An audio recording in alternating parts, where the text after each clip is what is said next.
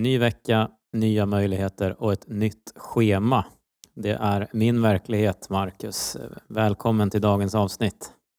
Ja men tack, vilken inledning. Uh, instämmer till fullo. Vi har ju diskuterat det där och gjorde ett inlägg på lite sociala medier här häromdagen kring att uh, det nu, nu händer det för oss. Nu har vi fått vårt nya schema som baseras på arbetstidsdirektiven och uh, hur känner du Eh, just nu? Man, alltså jag känner väl att vi måste ju förstås prova det här och se vad det ger. Men det som känns tråkigt är, tycker jag, att flexibiliteten blir väldigt låg jämfört med vad den har varit tidigare. Då. Eh, sen tycker jag också att det är tråkigt att, att eh, det är inte vi, det är inte arbetsgivarna som vill ha det här utan det, det har kommit så att säga ovanifrån. Och det gör väl också att mm. tiden och möjligheten att påverka har varit ovanligt liten kanske. Och det som mm. skrämmer mig är ju delvis det vi ser som händer nu inom ambulanssjukvården. Där faktiskt väldigt många, framförallt i Norrland, väljer att eh, säga upp sig på grund av att eh, de här långa avstånden gör att man inte har ekonomi att jobba så pass korta pass som det nu blir. Med risk då mm. för att, att eh, människors liv i sämsta fall kan komma att påverkas. Ja, Nej, och jag känner väl likadant såklart.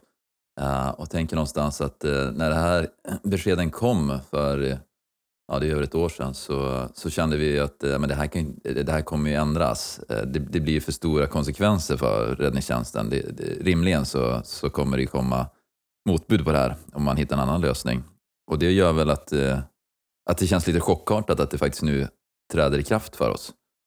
Um, och konsekvenserna är precis de du beskriver. Det är en minskad flexibilitet, det är oklarhet vad gäller hur vi kan planera verksamheten, vilka uppdrag vi kan ta då, uh, kopplat till, till, till våra icke utryckande roller, um, hur vi kan byta pass. Och det var en kollega som beskrev det ganska bra tycker jag, alltså att det är, det är liksom en våtfilt över hela räddningstjänst Sverige. Um, ehm, och, och, så är det, det är en nedstämdhet.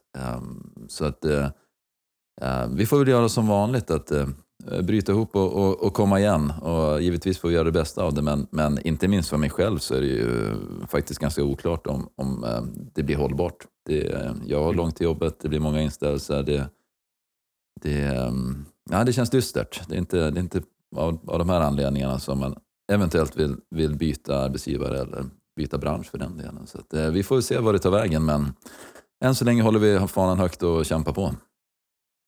Absolut, och, och på inget sätt är ju dystert i podden utan vi, vi ska naturligtvis komma till ett mycket spännande avsnitt här och kanske ytterligare ett eh, kort efter.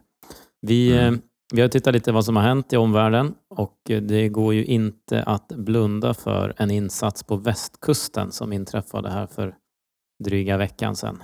Vad tänker jag på? Mm.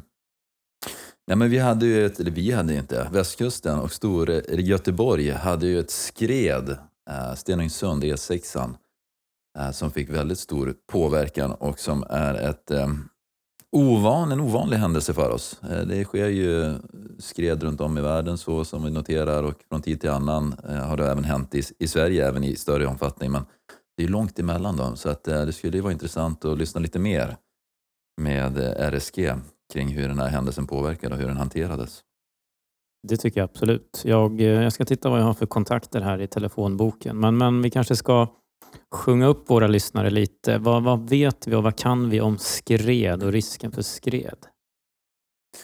Ja, till att börja med så kan man väl börja skilja lite på ras och skred. Det nämns oftast i samma sammanhang. Men jag tänker, eh, om jag inte missminner mig, så eh, ett ras är ju någon form av Eh, om man tänker liksom grusmängd eller alltså någonting som, en mängd som, som trillar ner eller en byggnad som trillar ner, att det blir liksom en mindre omfattning medan alltså en skred är en större landmassa mer som förflyttar sig. Så att eh, även om det, konsekvensen ibland kan vara detsamma så, så skiljer vi på det där och, och, och i det här fallet så är det ju eh, en, en landmassa som har förflyttat sig. Um, vad kan det bero på då?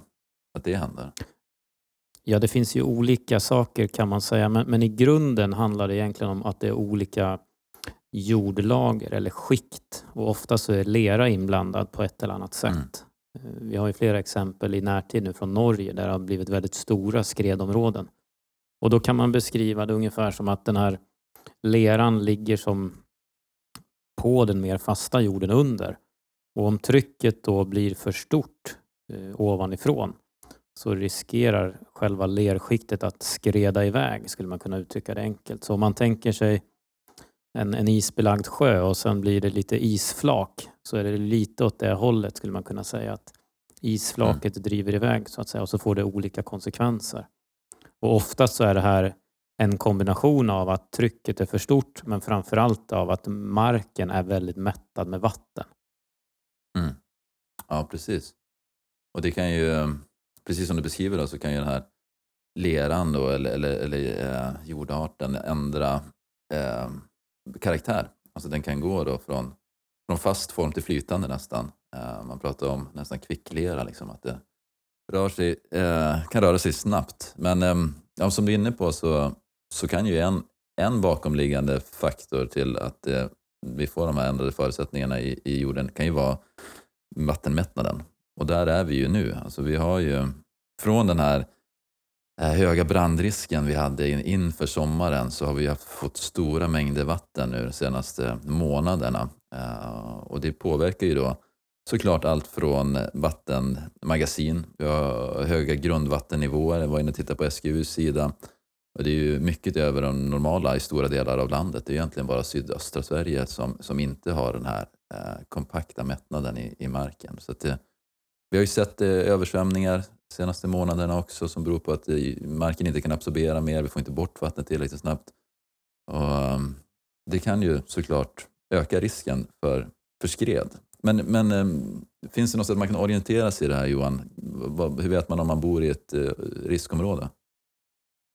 Ja, man får gå ut på gården och hoppa tills det skredar. Nej, skämt åsido. Du nämnde ju SGU där, Statens geologiska undersökningar och de tittar ju bland annat på på nivåerna av vatten och så vidare. Och sen har vi också SGI, Statens geotekniska institut och sen har vi MSB. Då. Och de här samverkar ju för att kartera marken egentligen. Alltså man tittar på vilken typ av jord är det? Finns det lera? Finns det områden som sluttar? Och, och utifrån det här så har man då sammanställt en, en nationell lägesbild i form av en karta. Och då kan man gå in på MSBs hemsida och titta på vilka områden i Sverige som är särskilt utsatta. Dels för översvämning som du var inne på, men också för, för, för skred. Mm.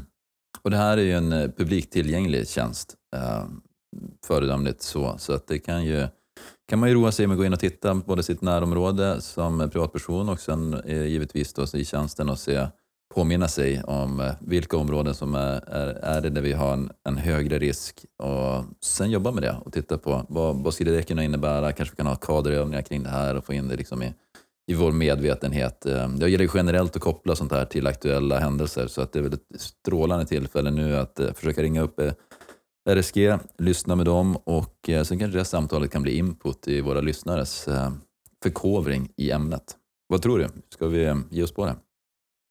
Absolut. Vi, vi ringer den som var räddningsledare initialt och fick larmet, tänker jag. Föredömligt. Det här blir spännande. Nu kör vi.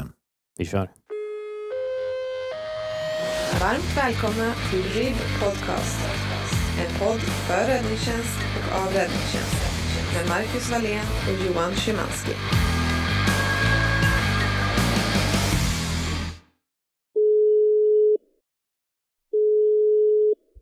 Lasse Magnusson, Räddningstjänsten Storgöteborg.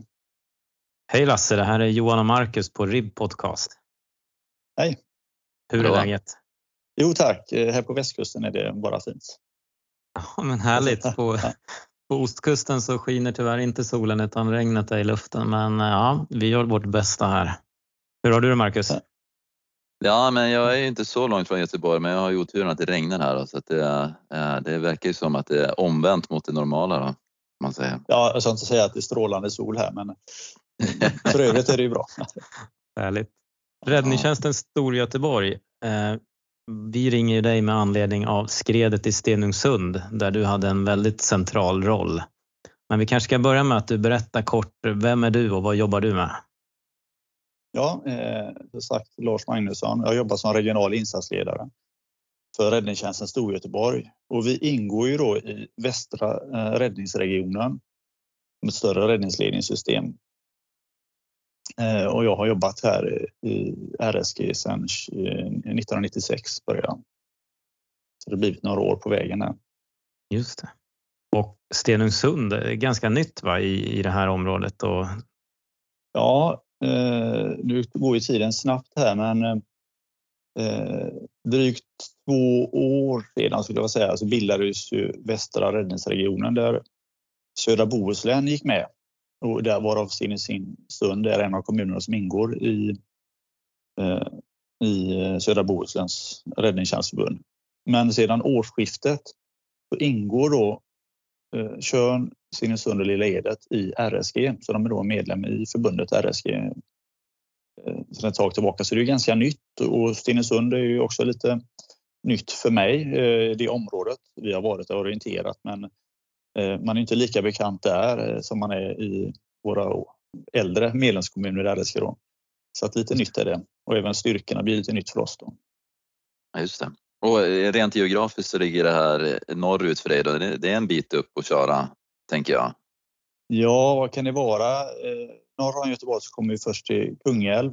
Eh, det är väl en och en halv, två mil till Kungälv och så är det väl tre, ja, fyra mil i alla fall skulle jag säga att det är från Göteborg. Mm, ungefär norrut. Då. Och vad gäller eh, räddningsstyrka där uppe, vad, är det heltid, deltid? Vad, hur ser det ut? Ja, eh, om man säger då, ja, Stenungsunds kommun, där har de en, en heltidsstyrka på en och fyra. Så har de två man eh, som ribbanställda som ingår i den styrkan. Så att eh, när vi larmar ut stort larm då i Stenungsund så kommer då en och sex kan man säga. Två man med lite fördröjning. Sen har de även en insatsledare i det området kvar sedan den gamla organisationen. Och eh, vid det här tillfället så utgick insatsledaren från Lilla Ede så han hade ju ganska lång framkörningstid till Stenungsund. Mm. Och du själv, du sitter på Gårda då, eller utgår från Gårda brandstation? Ja, precis. Vi sitter ju ihop med ledningscentralen på Gårda. Eh, så vi tycker det är väldigt bra. Då.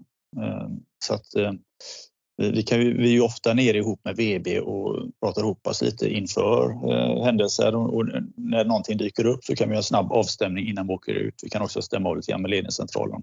Har de fått in någon specifik information som vi behöver ta med oss och så. Mm. Ja, det är ju föredömligt.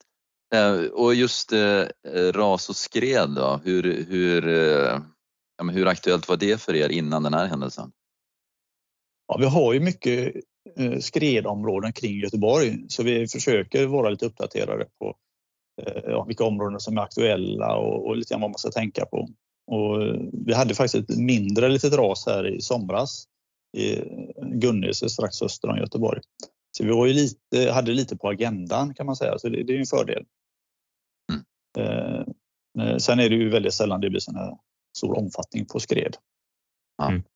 Precis. Ja men okej, okay. men då har vi orienterat oss lite i organisationen där, geografin. Eh, du är på Gårda den här dagen. Eh, när, när på dygnet inträffar det här? Hur, hur, hur, kan du ta oss igenom dagen om du börjar när, när du går till jobbet? Ja, Ja, precis. Vi, eh, jag jobbade ju fredag natt. Eh, så jag gick på vid fyra tiden. Och sen var det en fördel just med den här händelsen för jag jobbade även söndag dygn efteråt då, så att jag kunde eh, få viss kontinuitet i, i arbetet. Då. Men fredag, fredag natt vi, hade vi först en larm till Energihamnen där vid ja, 11 snåret någonting. Men det var rätt så snart avklarat så vi var hemma vid 12-tiden igen. Eh, och sen kom då eh, skredlarmet in då vid kvart i två ungefär. Och, och det är ju väldigt eh, diffust larm.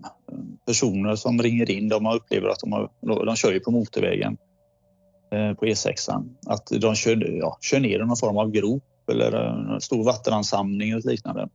Så det är svårt för ledningscentralen att tolka vad det är som inträffat här i första läget. Mm. Mm. Hur, hur, det, men hur lät utalarmeringen då? Givet det, vad fick du? Först så larmade ledningscentralen ut eh, Eh, Stenungsundsstyrkan på trafikolycka. Och då har vi en lampa 23 som vi larmar ut efter. Dem. Ehm, eh, och det är egentligen, eh, ja, de åker på det första läget. Men relativt snart så får, man in lite flera samtal och inser att det här är nog inte riktigt normalt. Vi får lägga på lite fler resurser. Omfattningen har man en väldigt dålig bild av. Är det både södergående och norrgående del av E6? Eller, ja, det, man pratar om ett slukhål eh, i vägbanan då till att börja med trodde man att det skulle kunna vara. Mm. Eh, men relativt snart, ja, omgående kan man säga, så lägger man på även insatsledaren då i Stenungsund. Eh, och även eh, tio minuter efteråt så lägger man på eh, förstärkningar då ifrån eh, Borfs räddningstjänstförbund. De ingår också i västra räddningsregionen och då är det då Kode som är ribbstyrka som ligger mellan Stenungsund och Kungälv. Och även Kungälv läggs på eh, då ungefär tio minuter efter första larmet. Då. Och då har man fått någon kompletterande information från, från första styrkan då, gissar jag? Ja, de är inte framme då utan man, framme. Eh, man går på inringarna. Då. Mm. Eh, det, det är ju flera fordon som är berörda då, och lägger man upp att det här, ja, det här är inte riktigt normalt utan vi får eh, ha resurser från flera, flera håll mm.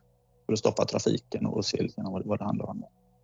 Just det. Ja, det kan man ju bara påminna om tiden på dygnet där mitt i natten. Det är, det är becksvart ute. Och ja, det, regn, det regnar då som, som det ibland ja. gör på västkusten. Och, eh, och dessutom så tror jag inte att det var så mycket, eller jag är lite osäker på hur mycket det är belyst normalt sett med vägbelysning och så i området. Mm. Men ut med E6 finns ju ingen belysning normalt sett utan det skulle vara på bron över. Men Styrk Stenungsund upplever att det är väldigt mörkt och sannolikt beror det på att det även gått strömavbrott i samband med skredet. Då.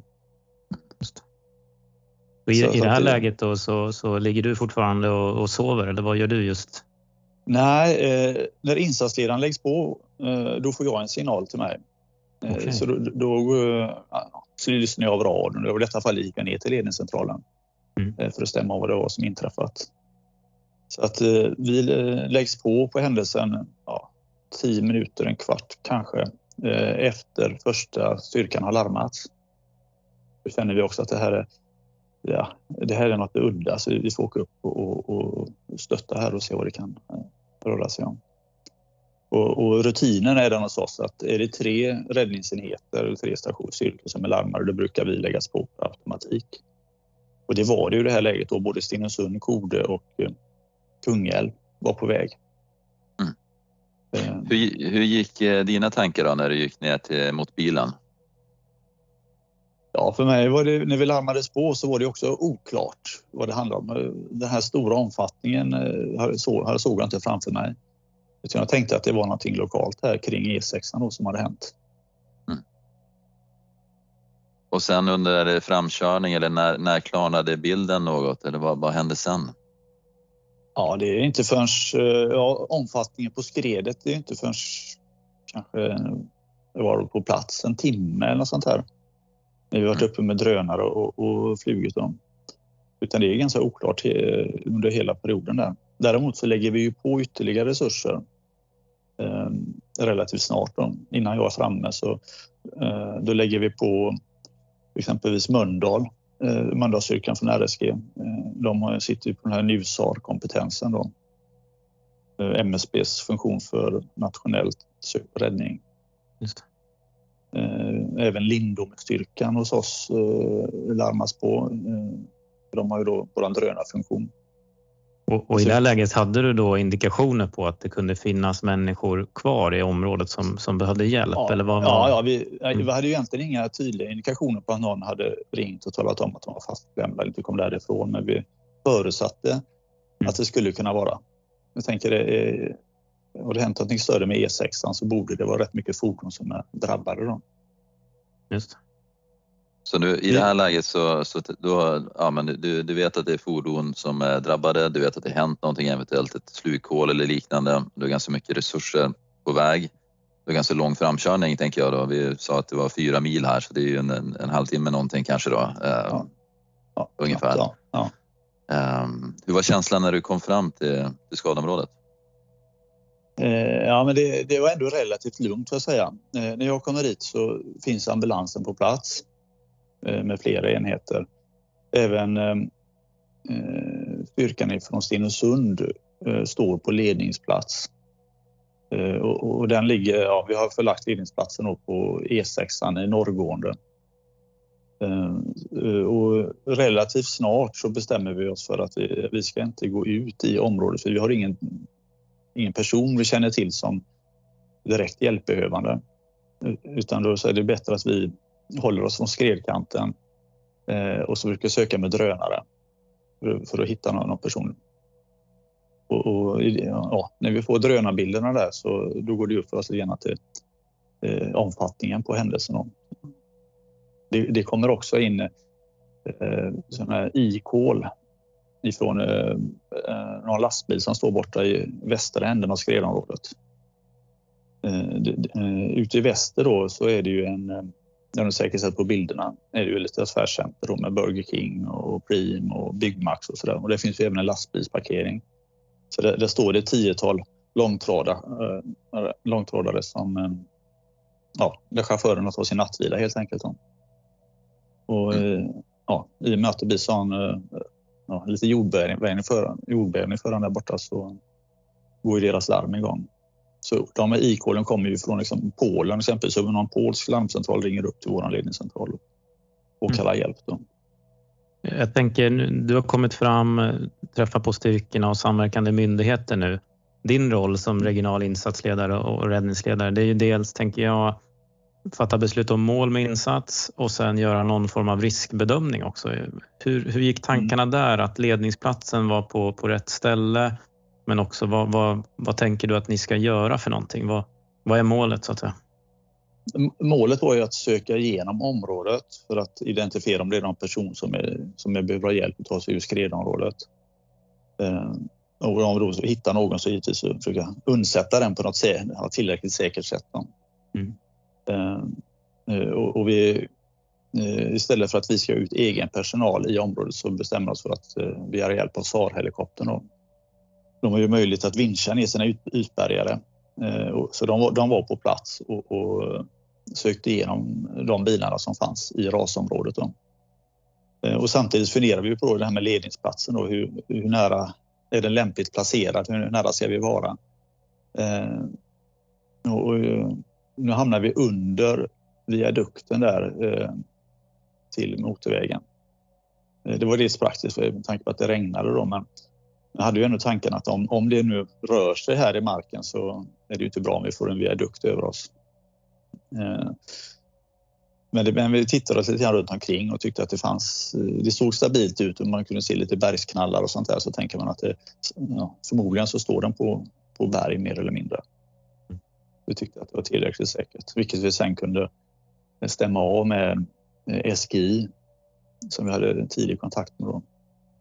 Och här, här, är ni någonstans då. Det, det har gått eh, ett par timmar gissar jag. Eh, ni har börjat få någon form av bild av omfattningen. Vad, kommer du ihåg då hur du tänkte liksom, hur stort det här var? Eller vad, vad hade ni för bild då? Ja, eh, eh jag insåg att det var omfattande och sen eh, insåg man också att det är ganska mycket teknisk infrastruktur som är berörd. Eh, mm. Vi hade ju exempelvis en kraftledningsgata som gick precis eh, egentligen över ledningsplatsen och, och över skredområdet med 40 kilovolts ledning. Då. Eh, så det var, det var en risk att den skulle rasa ner över oss där. Eh, och sen var det då mycket, vi fick information att fjärrvärmeledningar hade gått av. Och, eh, vi hade ju även en bensinstation eh, i västra delen som tänker på miljökonsekvenserna där om, om tankar och sånt börjar läcka. Eh, så man insåg ganska snart att det här, det här är komplext. Och, och, livräddningsdelen där och det var egentligen den enkla om jag tolkar dig rätt. Men, men om du skulle uppskatta, ja. hur lång tid tog det innan ni, ni, var säkra på att det inte fanns några som behövde hjälp i området? Ja, eh, formellt sett så tog beslut om eh, att avsluta livräddningen på lördag vid 15-tiden ungefär, dagen efter. Eh, men vi var tämligen säkra någon timme in i insatsen att det inte var någon kvar. Ytbergen hade ju varit nere och sökt i de fordon som fanns. Eh, vi hade haft eh, eh, drönare som har sökt, sökt över området. Det var inga samtal, inga andra indikationer på att det skulle vara någon kvar. Men det, vi var inte, ännu inte riktigt hundra för att det kan ju vara flera passagerare i något fordon och någon som har lämnat fordonet och gått ut och blivit fast någonstans i skredet. Så vi sa att vi måste ta, eh, använda oss av regnummer på bilarna för att eh, bakvägen då ta hjälp av polisen att kontakta fordonsägarna och stämma av så att de inte har någon att sakna någonstans. Det tog lite tid eh, att få tag i alla. Så, så därav så eh, var det först på lördag eftermiddag då som vi sa att nej, men det kan inte finnas någon mer i området. Och, och, för de lyssnare som, som inte har eh, koll på den slutgiltiga omfattningen, ungefär hur stort område var det som berördes av det här skredet? Ja, det var ungefär 200 meter brett och 700 meter långt, så ungefär 14 hektar. Mm. Eh, och man kan säga att motorvägen har flyttat sig 50 60 meter i sidled. Och eh, ovankanten på skredområdet, där är det ju egentligen bara lervälling.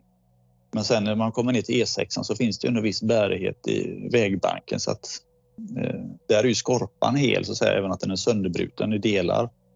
Så att de fordonen som står kvar på E6 står ju på flak ute i området. Och så finns det några fordon då som har kommit söderifrån. De har ju kört ner i en lergrop kan man säga, så de står nere i gyttjan där. Eh, sen har ju vält upp lera vid eh, västra delen där lastbilarna står och, och tryckts upp mot lastbilarna. Då. Och även Burger King har ju, kan man se tydligt att halva byggnaden har ju kollapsat och går, ja, ligger nere i skredet. Så att säga. Ja, det är några och, otroliga krafter. Ja, mm. och vi, vi för, även att byggnaderna ser hela ut i, vad det gäller Primstationen och Byggmax så, så vet vi inte hur mycket de har rört sig i sidled. Så all ja, VA och elledningar och sånt där, det har ju säkert dragits av då i samband med att de har förflyttat sig. Mm. Jag tänker utifrån det du sa om riskbedömningen och att, att man ville jobba från luften. Men, men om ni hade hittat någon person som, som ni hade behövt göra en losstagningsinsats på, var det någon mm. diskussion som fördes där kopplat till ja, hur kände brandmännen och hade du vågat skicka in någon i så fall? Eller vad, vad för sig ja, i dina tankar? Initialt så var ju brandmännen ute i skredområdet lite grann och, och hjälpte några personer upp i gropen och även lastbilschaufförerna på västra delen fick ju hjälp av eh, Eh, kodestyrkan bland annat där att ta sig ut från sina lastbilar. Eh, men då hade vi ju NUSAR-styrkan där. Eh, de var ju, tror inte det var samma personal, men vi hade ju Mölndalsstyrkan uppe i Norge, det skredet som var här för ett par år sedan. Så de hade ju viss erfarenhet att arbeta i skredområdet och lärt sig en del kring det. Då. Och de var faktiskt ute och gjorde ett sök i området. Så när NUSAR kom upp så tog de också dit sökhundar då, som de skulle kunna söka vidare med. Så de gjorde ett sök kring, kring eh, några fordon för att säkerställa att det inte fanns någon kvar. Mm. Så det var egentligen planen att eh, använda sig av Nysvarstyrkan. Och de var också assisterade av eh, SGI som kom till platsen här ehm, på morgonkvisten så att säga. Och hjälpte dem med bedömningar kring vad är någorlunda säkert att röra sig. Så de gick ju med NUSAR-styrkan ut för att hjälpa dem på plats och göra de bedömningarna. Då. Mm. Ja, svårbedömd situation kan jag tänka mig. Um, lördag klockan tre sa du, då, då avslutade ni livräddningen. Um, hur fortlöpte arbetet efter det då, från, från räddningstjänstens perspektiv? Ja, eh, dels så höll vi ju en stor avspärrning eh, med hjälp av lagen om skydd mot olyckor. Då. Eh, så vi var ju där och hade assistans av polisen för att hävda den avspärrningen och även Trafikverkets TMA-fordon och så vidare hjälpte också till. Eh, sen handlar det en del om att titta på miljöbitarna. Har vi någon omfattande spridning av mm, bensin och diesel i vattendragen som går där? Eh, vi hade någon analys i tekniska system. Det låg ett pumphus som, som försörjde ett annat större industriområde med, med deras VA och kontrollera så att det fungerade. Annars hade det breddat ut eh, alltså avloppsvatten också i, i området då, så man får stänga av större industriområden. Och så var vi lite oroliga för Norumsån som rinner nere vid västra delen vid Burger King. Om den skulle dämmas upp så fanns det ju risk för att det skulle förvärra situationen. Eh, det kunde komma nya skred och man får in massa eh, vatten i området också. Då. Eh, sen jobbar vi ju rätt mycket med kommunen för att samordna oss när de informerar om vad som har hänt och sätta dem på fötter. Det hade vi redan tidigt på lördag morgon, första mötena med kommunen. Och sen kom alla de här andra frågorna med eh, bland annat lastbilschaufförerna och även verksamheterna som vill komma in i sina lokaler och, och hämta personliga tillhörigheter eller andra saker de ville rädda i verksamheterna. Eh, eh, och, så ihop med kommunen där så kunde vi samordna en, en, en insats där att hämta upp framförallt lastbilschaufförernas personliga tillhörigheter där. Och så att de fick sina ja, telefoner och vad det kan vara där i, i lastbilarna innan de kunde åka hem. Då. Mm. Och vi var väl egentligen redo att avsluta räddningstjänsten på måndagen. Eh, Men vi avvaktade då ett dygn kan man säga för att eh, Länsstyrelsen skulle komma, på fötter eh, och kunna spärra av området med hjälp av ordningslagen och få fram resurser för att hävda avspärrningen. Just det. Ja. Eh, jag tänker att det, det, jag försöker se det här framför mig och konsekvenserna som du säger, liksom det, det är ledningar i backen och det är luftledningar och det är verksamheter och det är lastbilar och det är kommunen och det är Vägverket och det- trafiken ska igång här. Alltså det, det är väldigt stor samhällspåverkan, ehm, tänker jag. Vad, vad, eh, vad, vad, skulle du säga var den största påverkan för, om man tittar utifrån ditt perspektiv igen på, på samhället? Är det framkomligheten då eller blev det någon annan konsekvens av det här? Ja, nu var det ju helg som väl var så att det är inte Mm. så där folk kommer åka till jobbet. Men det går ju väldigt mycket lastbilstrafik eh, ja, ut med E6. Det är Norges viktigaste motorväg säger man här eh, för att kunna nå kontinenten. Eh, nu fanns det ändå hyggligt med omledningsvägar runt eh, Eh, under helgen.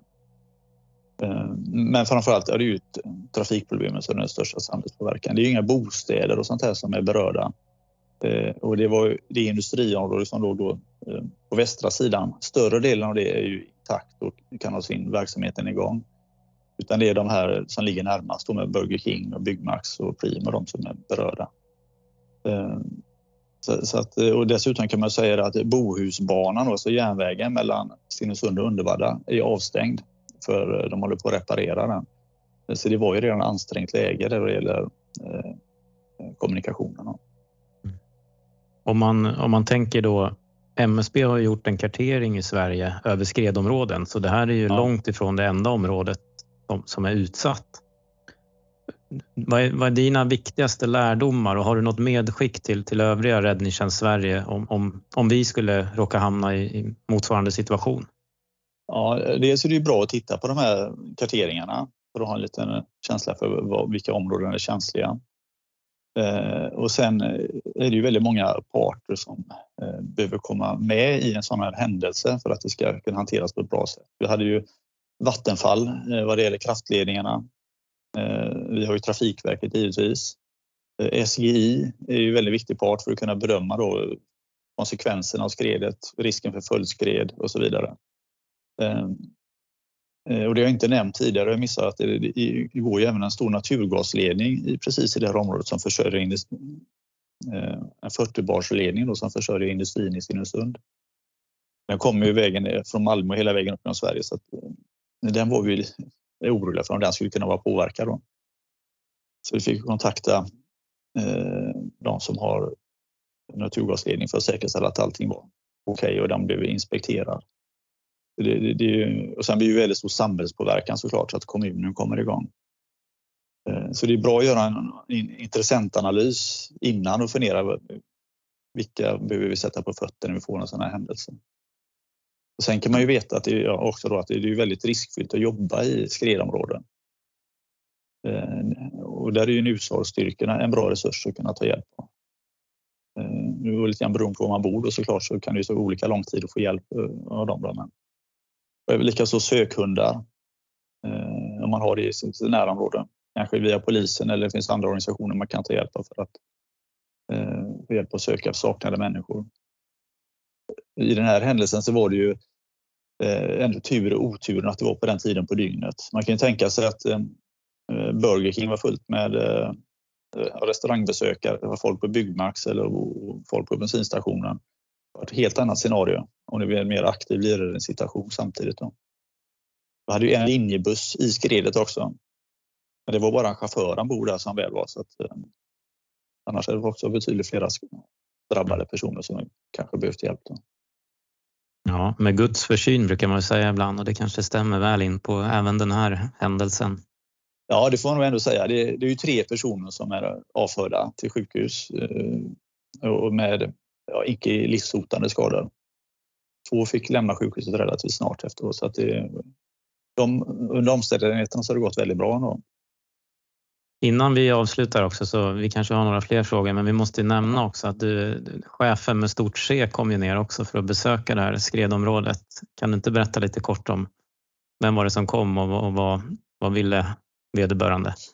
Jo, ja, men det var ju väldigt eh, roligt och, och eh, eh det är ju bra att det blir uppmärksammat också. Det var ju Ers Majestät Konungen som eh, ville besöka skredområdet. Då får du också lite extra medialt eh, intresse.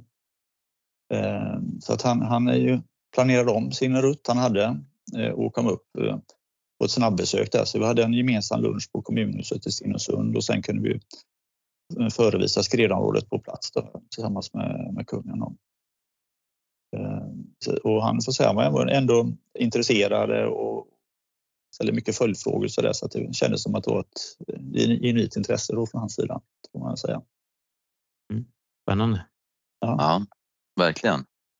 Eh, Lasse, känner du att det är någonting ytterligare som du vill lägga till som vi, som vi har missat att eh, beröra? Annars börjar vi känna oss eh, väldigt nöjda med den här genomgången. Det har varit otroligt intressant att Ja, det, det, jag, ja, det har jag inte nämnt i och för sig, men vi har, hade ju hjälp även ifrån ett annat räddningsledningssystem som ligger precis norr om. Ljungskilestyrkan var ju på plats för att stoppa trafik ifrån eh, norrgående, eller de som körde söderut helt enkelt. Norrifrån dem. Ja men strålande. Samverkan tycks vara det stora ordet för att lösa den här typen av komplexa händelser. Eh, själva livräddningen ja. känns som ganska liten och sen handlar det om aktörsanalysen och få, få rätt människor på plats eller på benen om jag tolkar dig rätt. Ja, ja precis. Och sen är det ja, precis. Och lite riskfyllt också. Stenungsund kom ju gå på väg, köra ut på motorvägen för de trodde att det var en trafikolycka. Eh, så de blev stoppade av en bilist som hade kört ner i skredet. Eh, så att eh, ja, lite, ja, jag vet inte hur mycket bra sikt de hade där, om de själva kunde berömma att vägen slutade där eller att det fanns risk att de skulle köra över kanten också. Mm. Ja, du ser. Ja, men så, som vi var inne på, en, en eh, lite lyckosam tidpunkt på, på dygnet. Eh, fantastisk, eh, ja, man får säga lågt skadeutfall med tanke på hur det hade kunnat se ut och sen en väl genomförd insats, tycker det låter som. Ja, men det tycker jag. Det, det funkade bra, det var strukturerat. Och sen hade vi andra problem var ju att insatsledaren från Lilla Edet, han fastnade ju på Ucklumsvägen för den hade ju också gått av i samband med skredet. Så han, han fick ju stanna där och, och eh, stoppa trafik så det inte var fler fordon körde ner där, där i. Dem. Sen hade vi insatsledare från eh, Borf också på plats. Och sen med NUSAR-styrkan så kom också en insatsledare som bara hanterar NUSAR-biten. Ja, vi känner oss nöjda. Ja, ja. ja. ja tack, stort tackar för tack. att vi fick ringa. Ja, visst, ja, men det var välkommet. Så får se hur detta blir då om vi kan få ihop något där. Jajamän. Det ska nog gå bra. Eh, tack eh, återigen och hoppas du får en fin dag och slipper regnet. Ja, detsamma till er. Vi håller tummarna. Tack ska du ha. Ha det gott. Det gott. Ja, hej. hej. RIB Podcast, en podd för räddningstjänst och av räddningstjänst. Ja du Johan, vilken händelse. Och verkligen tydligt att det är en stor samverkansinsats det här. Eh, och även om Lasse inte nämnde alla så eh, framstår det ju som tydligt att eh, här gick man samman från olika aktörer, olika räddningstjänster och löste det hjälpbehov som fanns på plats både under och sen fortsättningsvis också. Då, oberoende av organisationstillhörighet. Så vi får väl börja med att ge dem en, en stor eloge för det. Verkligen, det måste vi göra. Och, och det är ju glädjande att den här gamla devisen att eh, räddningstjänsterna vände om det inte var på rätt sida kommungränsen. Så där är vi ju långt framme äntligen. Ja, ja verkligen, verkligen. Men du, det var också några begrepp här som jag tänkte att du ska få hjälpa mig att reda ut. Eh, kan börja med NUSAR som Lasse nämnde där. Vad, ehm, vad står det för och vad, vad är det för någonting? Ja, NUSAR är ju MSBs sök och räddningsstyrka och det står för nationell urban sök och räddning. Och det kan man använda då för att söka efter eh, människor vid till exempel byggnadskollapser. Och de kan ju vara orsakade av allt möjligt från naturhändelser, olyckor till terrordåd. Och den här resursen används ju bland annat eller kan göra åtminstone, i samband med de explosioner som nu pågår. Så att det är inte bara kopplat till, till ras och skred förstås. Och de avropas då från MSBs TIB eh, och är lokaliserade i Stockholmsregionen, i Göteborg och i Malmö som det ser ut idag. Just det. Och de här är ju också då Uh, Göteborg åtminstone har ju varit iväg till Norge så det är liksom en, en, en, internationell förmåga också och sen så vet man ju att via MSB så har man ju nyttjat de här resurserna även i andra olycksdrabbade områden. Nu senast, eh, ja, senast kanske inte var men Turkiet var de nere till i alla fall eh, vad jag vill minnas. Eh, vidare då, SAR kom på tal. Har vi pratat om tidigare också i podden. Vad är, vad är SAR för någonting? Just det, SAR står för Search and Rescue och i det här fallet så handlar det om Sjöfartsverkets eh, sjöräddningshelikoptrar. Och då kan man ju undra hur det kommer sig att de larmas till en sån här händelse. Men då har Sjöfartsverket tagit ett beslut att man ska stötta kommunal räddningstjänst i de tillfällen där det finns möjlighet att rädda liv. Och I det här fallet så nyttjades de ju för den uppgiften primärt. Alltså gå ner, söka igenom fordon från luften via den här ytbergen då, som kan vinschas upp och ner istället för att brandmän ska behöva beträda skredkanten med risk för att åka med om det blir nya skred. Mm, precis. Och det är föredömligt och där har vi också ett väldigt gott upparbetat samarbete. Um, och utöver det så är det ju också så att de har skyldighet att, att bistå om, om vi som um, räddningstjänsten och räddningsinsats begär den hjälpen och det inte allvarligt påverkar deras uh, verksamhet eller beredskap. Så att det finns ju en, mm. ett lagstöd där också. Och det tror jag också vi pratat om i podden, och att eh, samspelet mellan kommun och stat där. Men um, kanske vi kan fördjupa oss i ett senare tillfälle. För jag har ytterligare en, en bokstavskombination här att bjuda dig på. SGI, du nämnde det tidigare här i, i inledningen, men vad är det för någonting? SGI, ja det står för Statens geotekniska institut och det är ju en myndighet, alltså en expertmyndighet som då eh, ska se till att vi egentligen använder mark och naturresurser på ett säkert och effektivt sätt. Och de här har ju då kompetens vad gäller ras och skred eh, och kan komma ut eller bistå per telefon för att göra bedömningar av områden. Så att vi som räddningstjänster är ju generellt sett inte experter på att avgöra hur stora områden kan bli drabbade, kan det bli följdskred och så vidare. Men då tar man kontakt med SGI för att få den typen av, av hjälp. Mm. Föredömligt. Och där tänker jag att det, som du är inne på, det, man kan inte förvänta sig att räddningstjänsten kan allt, men man kan förvänta sig att vi har en hyfsad orientering i vilka aktörer som kan eh, bistå med expertis. Eh, så det handlar också om att, att eh, aktivera de här och då brukar vi prata om eh, aktörsanalys ehm, vad, vad, vad, tänker du på om jag, om jag säger så? Vad är en aktörsanalys? Ja, en aktörsanalys kan man säga är vårt sätt att försöka identifiera alla som på ett eller annat sätt är berörda av en händelse. Och Man kan nästan tänka sig den som en mindmap. Att eh, du som VB sitter på ledningscentralen och tittar på, på ditt perspektiv. Vilka berörda har vi? Har vi informerat dem? Behöver vi samverka med dem och så vidare?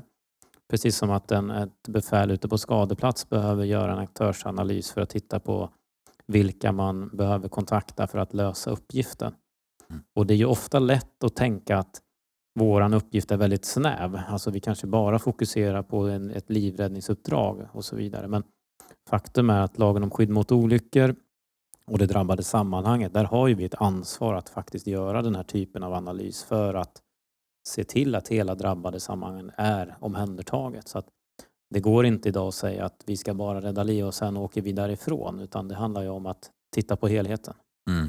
Ja men absolut och där, där brukar vi också prata om att vi, att vi jobbar med lite överlappande tidsskalor. Um, ehm, vi har ju ett akut, en akut hantering som ligger väldigt tidigt och så fort jag kan i, i centralen så, så lyfter vi perspektivet och tittar på okay, men vad är det drabbande sammanhanget? Vad finns det för fler som du är inne på, som har drabbats här. Vad, är det, vad, vad har de för behov? Uh, och sen i nästa steg, så vilka, vilka resurser och vilka aktörer behöver vi aktivera, informera för att möta det här behovet i, i det korta perspektivet så som det långa perspektivet allt eftersom insatsen fortskrider och kanske till och med avslutas. Så vi, ehm, vi ser det ju som att vi har ett, eh, eller vi har ett stort ansvar, men vi vill ta ett stort ansvar och se till att vi kan hjälpa, även om det kanske inte är just våra resurser och vi som gör det. Men att säkerställa det här genom en aktörsanalys och sen också då eh, knyta ihop säcken och återkoppla till alla de här aktörerna så att vi får en bra hantering och en bra, bra löpande lägesbilder och avslutande lägesbilder också. Så att, eh, ja, där finns det mer att prata om. Um, kanske också... Ja, jag tycker ett, ett väldigt bra exempel utifrån olika tidsskalor det var när Lasse nämnde det här med avspärrning. Att inledningsvis så stänger vi av i syfte att ingen ska åka ner där och då och då tar vi stöd av lagen om skydd mot olyckor. Mm. Och polisen biträder oftast i den typen av avspärrning. Nästa steg kanske är att Trafikverket går in med sina TMA-bilar och biträder med omledning. Och sen var han ju inne i ytterligare en tidsskala där Länsstyrelsen faktiskt genom stöd i ordningslagen väljer att spärra av ett område. Så, så det handlar ju verkligen om att ha kunskap om hur samhället fungerar för att kunna initiera den här typen av samverkan tidigt. Mm. Det glömde jag fråga Lasse om, jag hade tänkt på det, men, men eh, man, man, kan ju också tänka sig en sån här händelse i alla typer av större händelser att vi bygger upp någon form av, av stab på, på lämplig plats eh, för, för att stötta ännu mer och då kanske med, eh, med fördel med flera olika aktörer i den staben med olika perspektiv så att vi återigen mm. liksom ser till att ha allt från liksom det, det akuta skadavhjälpande på plats där till den, eh, ja, men, det mediumlånga perspektivet till det långa perspektivet och flera aktörer involverade. Och som, som Lasse var inne på, liksom det, det är högspänning, det är gasledning, det är elkablar, det är infrastruktur, det är påverkade verksamheter. Mm. Alltså det blir ju jättestort då, eh, vilket man kanske inte ser där initialt. Um, så det är en komplex insats och en givande genomgång. Det är mycket jag tar med mig därifrån um, som jag funderar vidare på. Um, men du, eh, återigen så tickar ju klockan på här. Um, börjar bli dags att avsluta, men jag vet att du, du har ju en intervju på lut här som vi hoppas få, uh, få tillträde till och få igång här inom kort. Kan du säga någonting om det? Jag vill inte avslöja för mycket för att vi vill ju ha en liten hållhake på lyssnarna för att även följa nästa avsnitt. Men man kan väl säga att det är en av räddningstjänstens största legender som vi ska intervjua eh, och tillägna ett avsnitt till. Och vi kommer få höra allt ifrån karriären till ett par väldigt udda eh, men oerhört intressanta insatser. Ja, men det var en bra cliffhanger. Det var ju nyfiken. Verkligen. Ja, men du, ska vi nöja oss med det då och eh, tacka för oss idag? Det tycker jag. Vi eh, får gå vidare med våra respektive uppgifter och sen hörs vi inom kort. Mycket bra. Tack så du Tack. Du har lyssnat på RIB Podcast, en podd för räddningstjänst och av räddningstjänst med Marcus Wallén och Johan Szymanski. Producerad av Timmy Selin, grafik Adam Dahlstedt.